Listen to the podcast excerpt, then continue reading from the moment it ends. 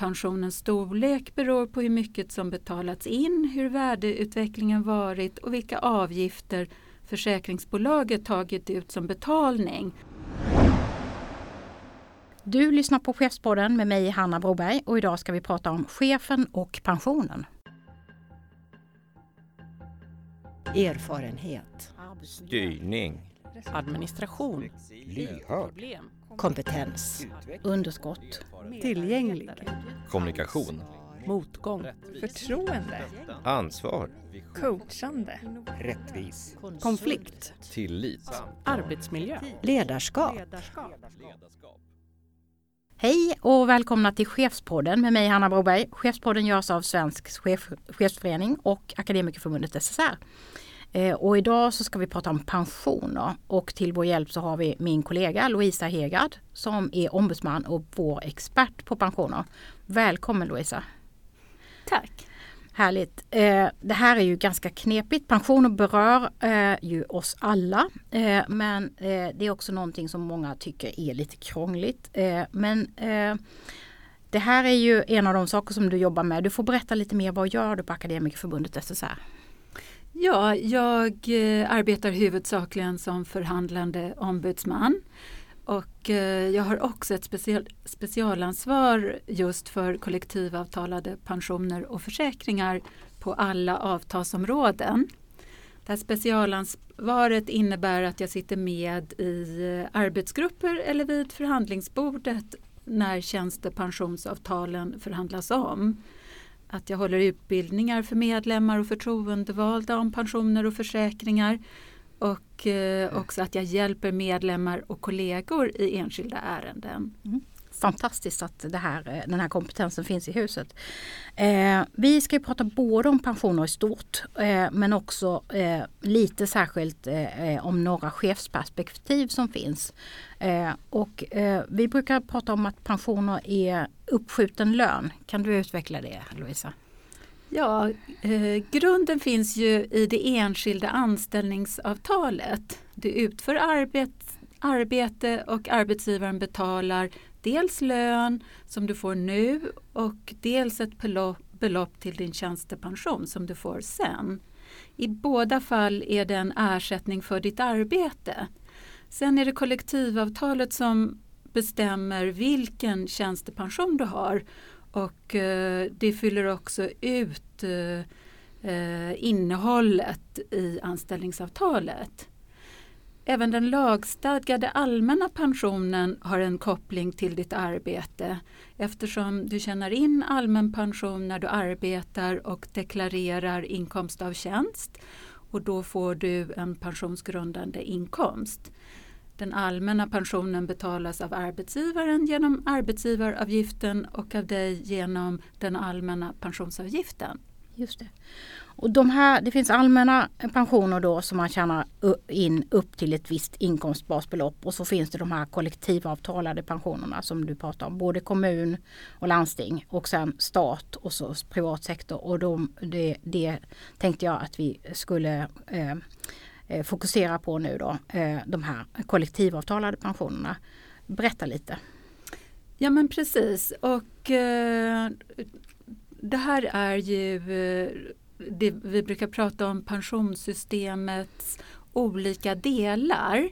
Eh, och när jag pratar eh, om, om dem då brukar jag använda en pyramid med tre fält som illustration där det nedre fältet står för den allmänna pensionen, det mittersta fältet för kollektivavtalad tjänstepension och det översta för privat sparande. Eh, eftersom man får information om den allmänna pensionen i ett orange kuvert brukar det nedre fältet vara orange, väldigt pedagogiskt. Eh, och eh, man, ja, när det gäller då pensionssystemets olika delar och hur de hänger ihop så bygger det på att man då eh, Eh, bara tjänar in allmän pension på lön upp till en viss gräns, något vi kallar tak och det är kopplat till inkomstbasbeloppet och motsvarar en lön på drygt 40 000 kronor i månaden. Eh, och då för att det inte ska bli för stor skillnad på din lön när du arbetar och din pension när du slutat arbeta så har kollektivavtalsparterna avtalat om en extra tjänstepension för de som har lön över nämnda tak. Eh, så att de olika, eller så här, det är olika kollektivavtal om tjänstepension för varje arbetsmarknadssektor. Inom privat sektor finns det dessutom olika tjänstepensionsavtal för de olika avtalsområdena. Och eh, avtalen för kommuner och landsting och regioner och arbetsgivare som är medlemmar i Sobona. De avtalen heter ACAP-KL och KAP-KL. Det är förkortningar för avgiftsbestämd kollektivavtalad pension för kommuner och landsting respektive kollektivavtalad pension för kommuner och landsting. På statlig sektor heter eh, pensionsavtalet PA16 avdelning 1 och avdelning 2 och på privat sektor heter det vanligaste tjänstepensionsavtalet ITP avdelning 1 brukar förkortas ITP 1 och ITP avdelning 2 brukar förkortas ITP 2. Och det är de här, det är de här då sex avtalen på tre områden som vi kommer fokusera på i det här samtalet. Det här är, det här är ju många begrepp och man, man förstår redan här så kan, kan man ju liksom tappa bort sig lite men inom eh, eh, de här pensionsavtalen då du har pratat om att det liksom finns två typer i respektive avtalsområde så handlar det om när man är född, om man har förmånsbestämd pension då eller om man har den här premiebestämda pensionen. Eh, eh, berätta, förklara. Ja, visst, det ska jag göra. Och, och först vill jag bara förtydliga att, att tjänstepensionerna innehåller eh, pension både under och över taket. Och det är över taket pensionen är lite större eftersom där finns det ingen allmän pension. Eh, när eh, de, de nya pensionsavtalen eh, som har tecknats, de är helt premiebestämda vilket innebär att en viss procent av din lön, en premie eller avgift, brukar kallas lite olika, betalas in på en tjänstepensionsförsäkring som du valt. Du vet då vad som betalats in men inte vad som kommer betalas ut när du går i pension. Utan pensionens storlek beror på hur mycket som betalats in, hur värdeutvecklingen varit och vilka avgifter försäkringsbolaget tagit ut som betalning för förvaltningen. I ett sådant system är livsinkomsten viktig eftersom du tjänar in pension för varje lön som betalas ut. En hög lön ger en hög avsättning medan en låg lön ger en låg avsättning. Det fungerar också väl om du byter arbete mellan arbetsmarknadssektorer och pensionsavtal. De äldre pensionsavtalen är oftast förmånsbestämda. I ett sådant system får man en viss procent av, av sin slutlön i tjänstepension. För att få full pension krävs dessutom att man arbetat minst 30 år med samma pensionsavtal. Här kan du i förväg se vad du kan komma att få i tjänstepension men du vet inte vad som betalas in.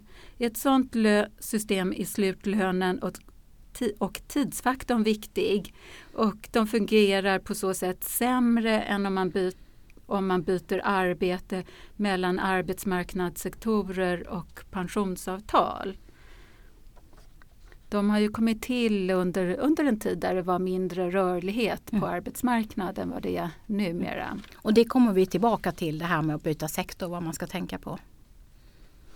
Sen eh, eh, om jag fortsätter då med nya och gamla pensionsavtal så när man har förhandlat fram de, de nya pensionsavtalen så har man delat upp eh, avtalen i två delar så att de yngre går in på de nya avtalen medan de äldre ligger kvar på de gamla avtalen som man kom in i först vid 28 års ålder. Så att det är därför det har varit två olika avtal på varje sektor som, som jag nämnde inledningsvis. Och eh, de nya premiebestämda kollektivavtalade tjänstepensionsavtalen är lika med en premie om minst 4,5 procent under taket som är på drygt 40 000 och 30 procent på lönedelar över taket. De äldre pensionsavtalen som fortfarande tillämpas innehåller både premiebestämda och förmånsbestämda delar. Då har du en liten varning här. Ja, precis. Eh, och, och det här är just kopplat då eh, till, eh, till de förmånsbestämda delarna. Eh, där jag vill höja ett varningens finger för dig som har en lön över taket, alltså över drygt 40 000 och jobbar statligt eh, och har PA 16 eh, avdelning 2 eller jobbar i kommuner eller landsting eller Sobona och har KAP KL eller ITP 2 I privat sektor. i privat sektor för att byta jobb till ett annat avtalsområde eller sluta med avgångsvederlag när du börjar närma dig 60-årsåldern. Eh, innan du bestämmer dig så behöver du kontrollera hur sådana avslut skulle påverka din förmånsbestämda ålderspension. Vi återkommer lite de- till den, eh, till den varningen men jag tänkte väl att vi redan här och nu kan eh, tipsa om att gå in på minpension.se eh, eh, och, eh, om man behöver och vill titta på hur det ser ut. Ja absolut, att eh, logga in på minpension.se är det absolut bästa sättet att få en överblick av sin samlade pension. Det är staten genom Pensionsmyndigheten och försäkringsbolagen som äger minpension.se. Det är ju en, en webb. Eh, och under våren 2019 så kommer de också att utöka med stöd för dig som ska börja ta ut din pension. Bra. Eh, och om vi ska bara se hur det ser ut på privat sektor då, med, eh, om vi börjar med det, när det gäller den premiebestämda ITP1 och den förmånsbestämda då ITP2. Du får beskriva. Ja, nu kommer mycket fakta här. Så ITP1 avdelning 1, den, den, eh, det pensionsavtalet gäller för arbetstagare som är födda 1979 eller senare. De fyller 40 år nästa år. Eh, och eh, eh, tjänstepensionen är helt premiebestämd med en premie på minst 4,5 procent på kontant utbetald lön under taket, som ju var 40 000 drygt, och hela 30 procent på lönedelar över taket. Sen ITP eh, avdelning 2 eller ITP 2, det gäller för arbetstagare som är födda 78 eller tidigare. Det är alltså de som räknas som äldre. Den är i huvudsak förmånsbestämd eh, med en förmånsbestämd ålderspension både under och över taket. Eh, sen har den också en mindre premiebestämd tjänstepension som heter ITPK med en premie på 2 på hela lönen. Och eh, i den här gruppen då bland de som har eh, tjänstepension ITP2 hittar vi många av våra chefer på privat sektor. Precis, och, och nu är det ju chefspodd så nu ska vi liksom försöka också ha några lite speciella chefsvinklar på de här pensionsfrågorna. Och ett, vanligt, ett begrepp som var lite vanligare på 90-talet tänker jag på som eh, man kallar det tiotaggare. Och det handlar lite grann om det här. Vad är det för någonting Lovisa? Ja, det är ju en härlig eh, jaktterm, eller hur? Mm. Eh, och de här tio taggarna det är ar- i, vår, I vår värld så är det arbetstagare som är anställda hos en arbetsgivare som har ITP och eh, där arbetstagarna är födda 78 eller tidigare och har ITP 2 och som har en inkomst över 10 inkomstbasbelopp. Det här 10 kommer eh, ifrån och det motsvarar en månadslön 2018 på minst 53 700 kronor i månaden. Eh, och de här arbetstagarna de kan komma överens med sin arbetsgivare om att ersätta delar av ITP2 med eh, något som kallas alternativ ITP eh, eller en tiotaggarlösning. Och eh, eh, sen, sen har den här gruppen eh, också ett annat alternativ och det är att komma överens med arbetsgivaren om att ha hela pensionsintjänandet i ITP1 istället, alltså en, ett helt premiebestämt system. Okej, så lite speciallösning. Men om man då blir sjuk och har en sån här 10 lösning då är det väl viktigt att man har kollat av hur det ser ut med försäkringar och så. Berätta. Ja, just det. Eh, och som sagt, det är, ju, det är ju många av våra chefer då som är tiotaggare. Och eh, det, i de här alternativen, det alternativ ITP då som, som jag berättade om, där får man ta eh, ett eget ansvar helt enkelt. Och blir man sjuk så behöver man en premiebefrielseförsäkring så att, så att premier då kan betalas till, till pensionen eh, genom en försäkring. Eh, och eh, en sån försäkring ingår i ITP2 och ITPK och ITP1 utan att man behöver göra något eller betala särskilt för den. Men om man har valt eh, alternativ ITP då eh, i en sån kallad tiotaggarlösning eh, då behöver man använda sin, sin pensionspremie för att betala en premiebefrielseförsäkring. Och eh, på så sätt så blir det lite mindre pension. Mindre, mindre premie som går in till den framtida pensionen. Så att det Så ett litet obs. ett litet obs verkligen. Mm. Att det ska man ha i, i, i, med i sin beräkning. Mm. Eh, om man funderar på alternativ ITP. Mm. Och det finns lite tips om vad man kan läsa på lite mer om det här och, och vad man ska se upp med. Du, du, du får hänvisa lite Louisa. Ja men absolut. Så att eh, återigen ett varningens finger eh, till dig som funderar på en, en tiotaggarlösning. Eh, och det är att först läsa PTKs information om alternativ ITP, så kallad tiotaggarlösning. Och eh, de, den informationen eh, hittar du på eh, PTKs hemsida som är www.ptk.se. Eh, väldigt, väldigt gediget, eh, en väldigt gedigen in, ingång.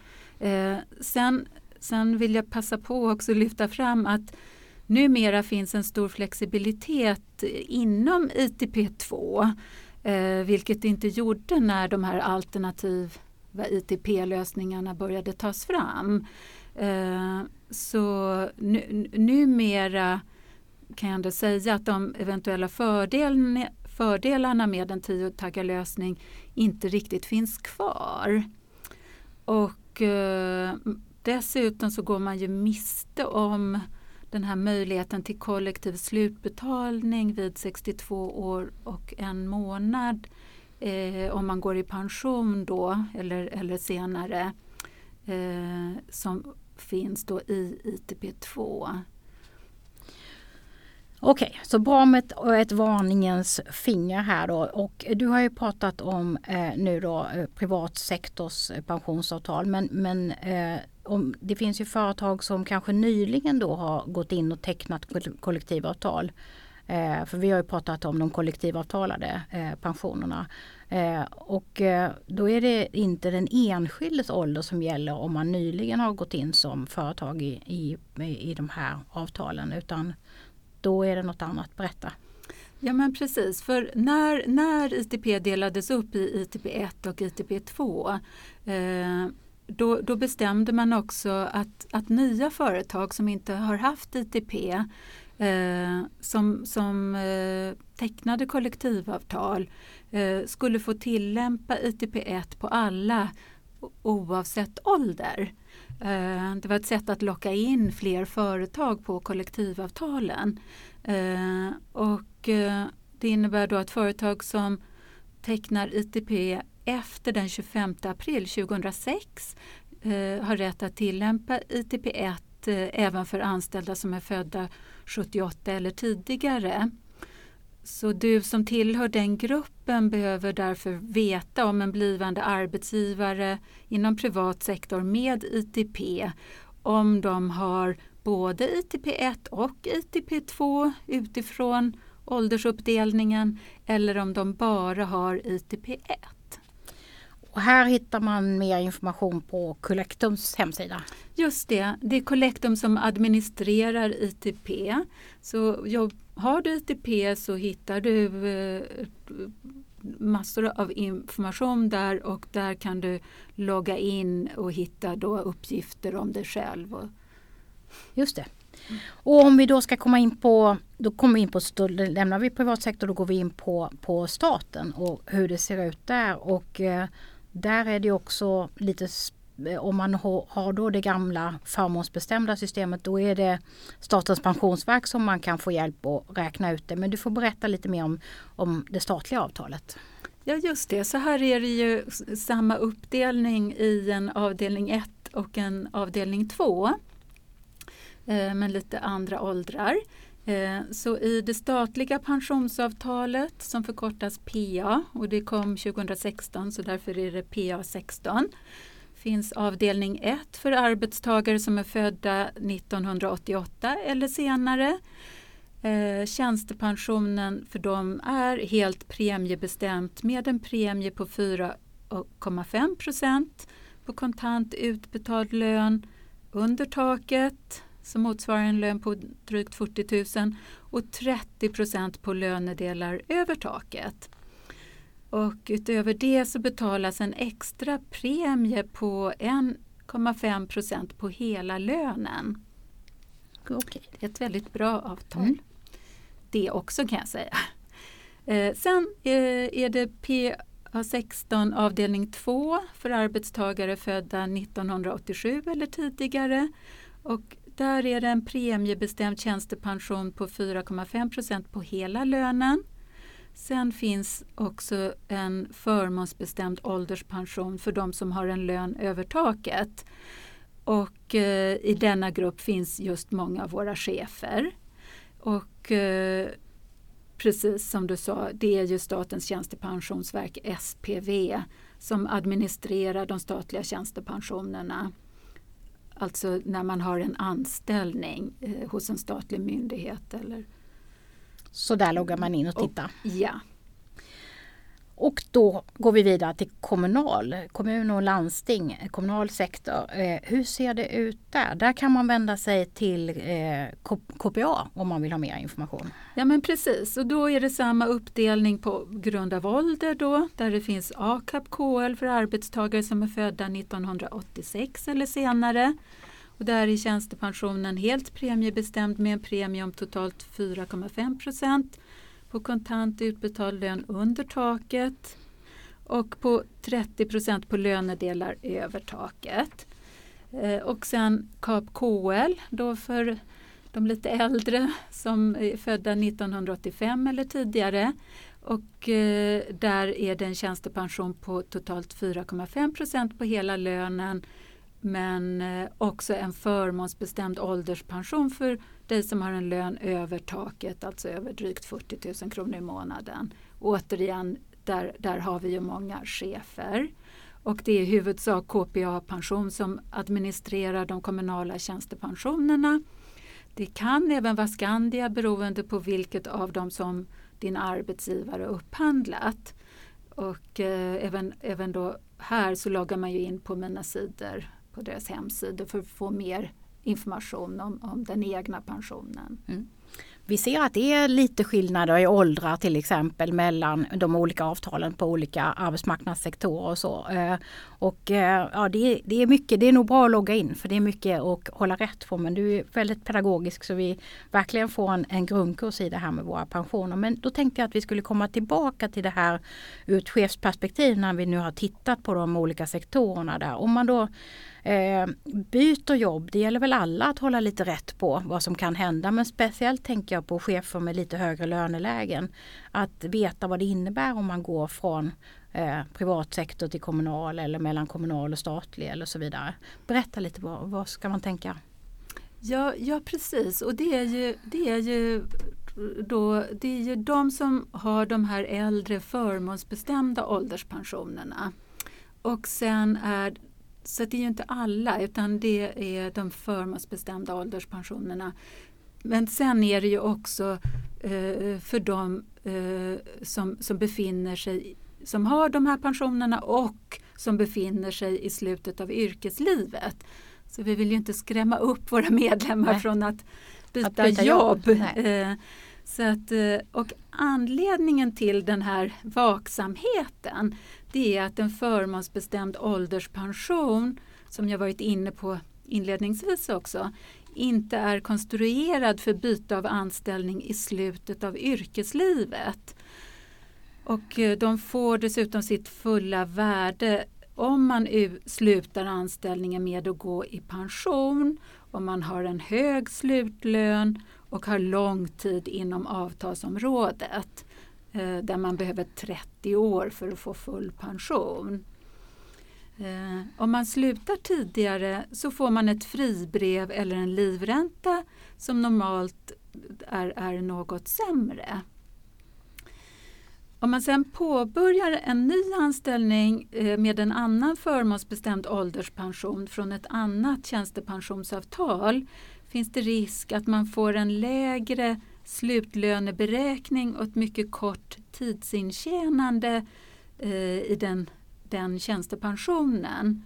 Och det kan också finnas risk att man inte ens kommer in i den förmånsbestämda ålderspensionen hos en ny arbetsgivare även om det skulle vara inom samma sektor.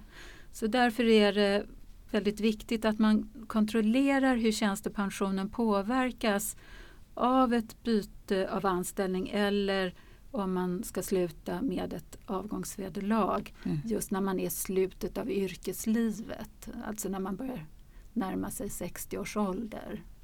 Och då får man ju gå in och man får eh, ringa och kontakta eh, respektive eh, förvaltare för att veta att man, man kan få uppgifter om det här. Och då, då tänker jag att om man ändå väljer att, att byta jobb då då är det väl en förhandlingssak att man måste se till att få tillräckliga pensionsavsättningar i sitt nya anställningsavtal. Ja men precis, så att det går ju att avtala individuellt om extra premier utöver det, den kollektivavtalade tjänstepensionen eh, till då eh, den premiebestämda delen. Eh, så att eh, det kan man komma överens med sin arbetsgivare. Så det rekommenderar vi verkligen våra chefsmedlemmar Ja, att ta reda på. verkligen. Mm. verkligen. Då kommer vi in på en annan fråga som är eh, lite också med eh, särskild eh, chefsvinkel eh, på kanske. Eh, och det handlar ju återigen då om, om löner som är i det lite högre löneläget. Att man ibland pratar om att man kan göra löneväxling. Vad är det? Det är när man byter lön mot till exempel extra pensionsavsättning. Okej, Man växlar lön till pension. och gör särskilda extra insättningar. Ja. Eh, och det kan vara förmånligt att göra det här eh, men man ska ändå ha lite koll på bland annat då om, om Sen är det ju dags för löneöversyn. Att man verkligen får med sig hela lönen då och eh, vad är det mer man behöver tänka på? Ja, ja precis. Ehm, dels, dels behöver man tänka på att man bara ska växla lön över det här taket som ni säkert är trötta på nu som jag nämnt många gånger. Men det är ju så att man, man tjänar ju inte in allmän pension, den orangea pensioner på lönedelar då över drygt 40 000 eh, kronor i månaden. Eh, och, det, och det innebär eh, att den allmänna pensionen inte påverkas om man skulle byta en lön, en tusenlapp eh, som ligger över 40 000 mot pension. Eh, och eh, så har man till exempel 50 000 i lön och växlar en tusenlapp så att man har 49 000 i lön då påverkar inte det den allmänna pensionen. Men det här taket det, det är ju kopplat till inkomstbasbeloppet som ändras varje år. Det följer ju inkomstutvecklingen. Så därför behöver man se över då att man, om man växlar, att man, att man fortsätter att ligga över taket. Just det. så att man eh, inte, inte förlorar allmän pension. Just det. Eh, och eh, sen så behöver man skriva en enskild överenskommelse med arbetsgivaren och den ska vara uppsägningsbar med eh, eh, en uppsägningstid om till exempel en månad. Eh, och här behöver man avtala, precis som du var inne på Hanna, att eh, det ska vara eh, lönen före växling som ligger till grund för löneöversynen och även för, för eh, tjänstepensionen och andra kollektivavtalade förmåner. Sen är det ett litet tillägg också och det är ju att det är lägre sociala avgifter för pensionspremier än lön. Mellanskillnaden är 5 till 6 procentenheten heter och det, det menar vi bör tillkomma arbetstagaren i form av en extra premie. Det blir 105 eller 106 kronor mer per löneväxlad tusenlapp. Mycket att tänka på men spännande och det där är ju en möjlighet för alla som känner att man är lite orolig för vad man kommer att få i, ku- i kuvertet när man går i pension. Att faktiskt också få till ett lite extra sparande. Eh, men vi har ju också då, nu har vi varit inne på de kollektivavtalade eh, eh, tjänstepensionerna men det finns ju också organisationer som inte har några kollektivavtal. Och hur ser det ut med pensionsavsättningarna där? Hur gör man? Där är det ju så att, eh, att, man, att man själv har en möjlighet att teckna då ett privat pensionssparande. Och Eh, den, som, den som då gör det på grund av att eh, man saknar tjänstepension hos sin arbetsgivare har fortfarande rätt eh, att dra av kostnaden i deklarationen. Så det här kan man kolla upp på Skatteverkets hemsida. Sen är det så att det, det, ibland är det arbetsgivare som inte har kollektivavtal som, som ändå skaffat en, en tjänstepension till arbetstagarna direkt eh, hos ett försäkringsbolag. Eh, men i, i båda de här fallen så, så kan de premiebestämda kollektivavtalade pensionsavtalen vara en förebild. Det vill säga att det ska vara pensionsavsättningar på minst 4,5 procent respektive 30 procent av lönen, premiebefrielseförsäkring och att det ska finnas en sjukförsäkring som kompletterar sjukpenning och sjukersättning. Så det bör man försöka få med om man gör en sån här privatlösning. Just det. Ja. Du, en sista fråga Louisa. Nu har vi verkligen varit inne på hela pensionssystemet och så. Men en debatt som har funnits och, och på vissa avtal finns det något man, man pratar om som flexpension. Det får du berätta vad det är också. Ja, eh, det består av två delar. Dels en extra avsättning till pension och eh, dels en utökad möjlighet att gå ner i arbetstid i slutet av yrkeslivet. Mm. Låter ju jättebra också. Eh, tusen tack Louisa, vår pensionsexpert. Nu är vi lite klokare. Eh, tack så jättemycket. Eh, som medlem i Svensk chefsförening och Akademikerförbundet SSR så har du möjlighet att få råd om de här frågorna i samband med att du byter tjänst, skriver nytt avtal. Kontakta chef direkt. Eh, vi ger ju inte pensionsrådgivning men vad du ska tänka på i samband med det här. Eh, men det finns också möjlighet eh, som, som medlem hos oss att få rådgivning. Eh, och eh, det har vi tecknat ett avtal om med, med Folksam. Så titta på vår hemsida. På återhörande.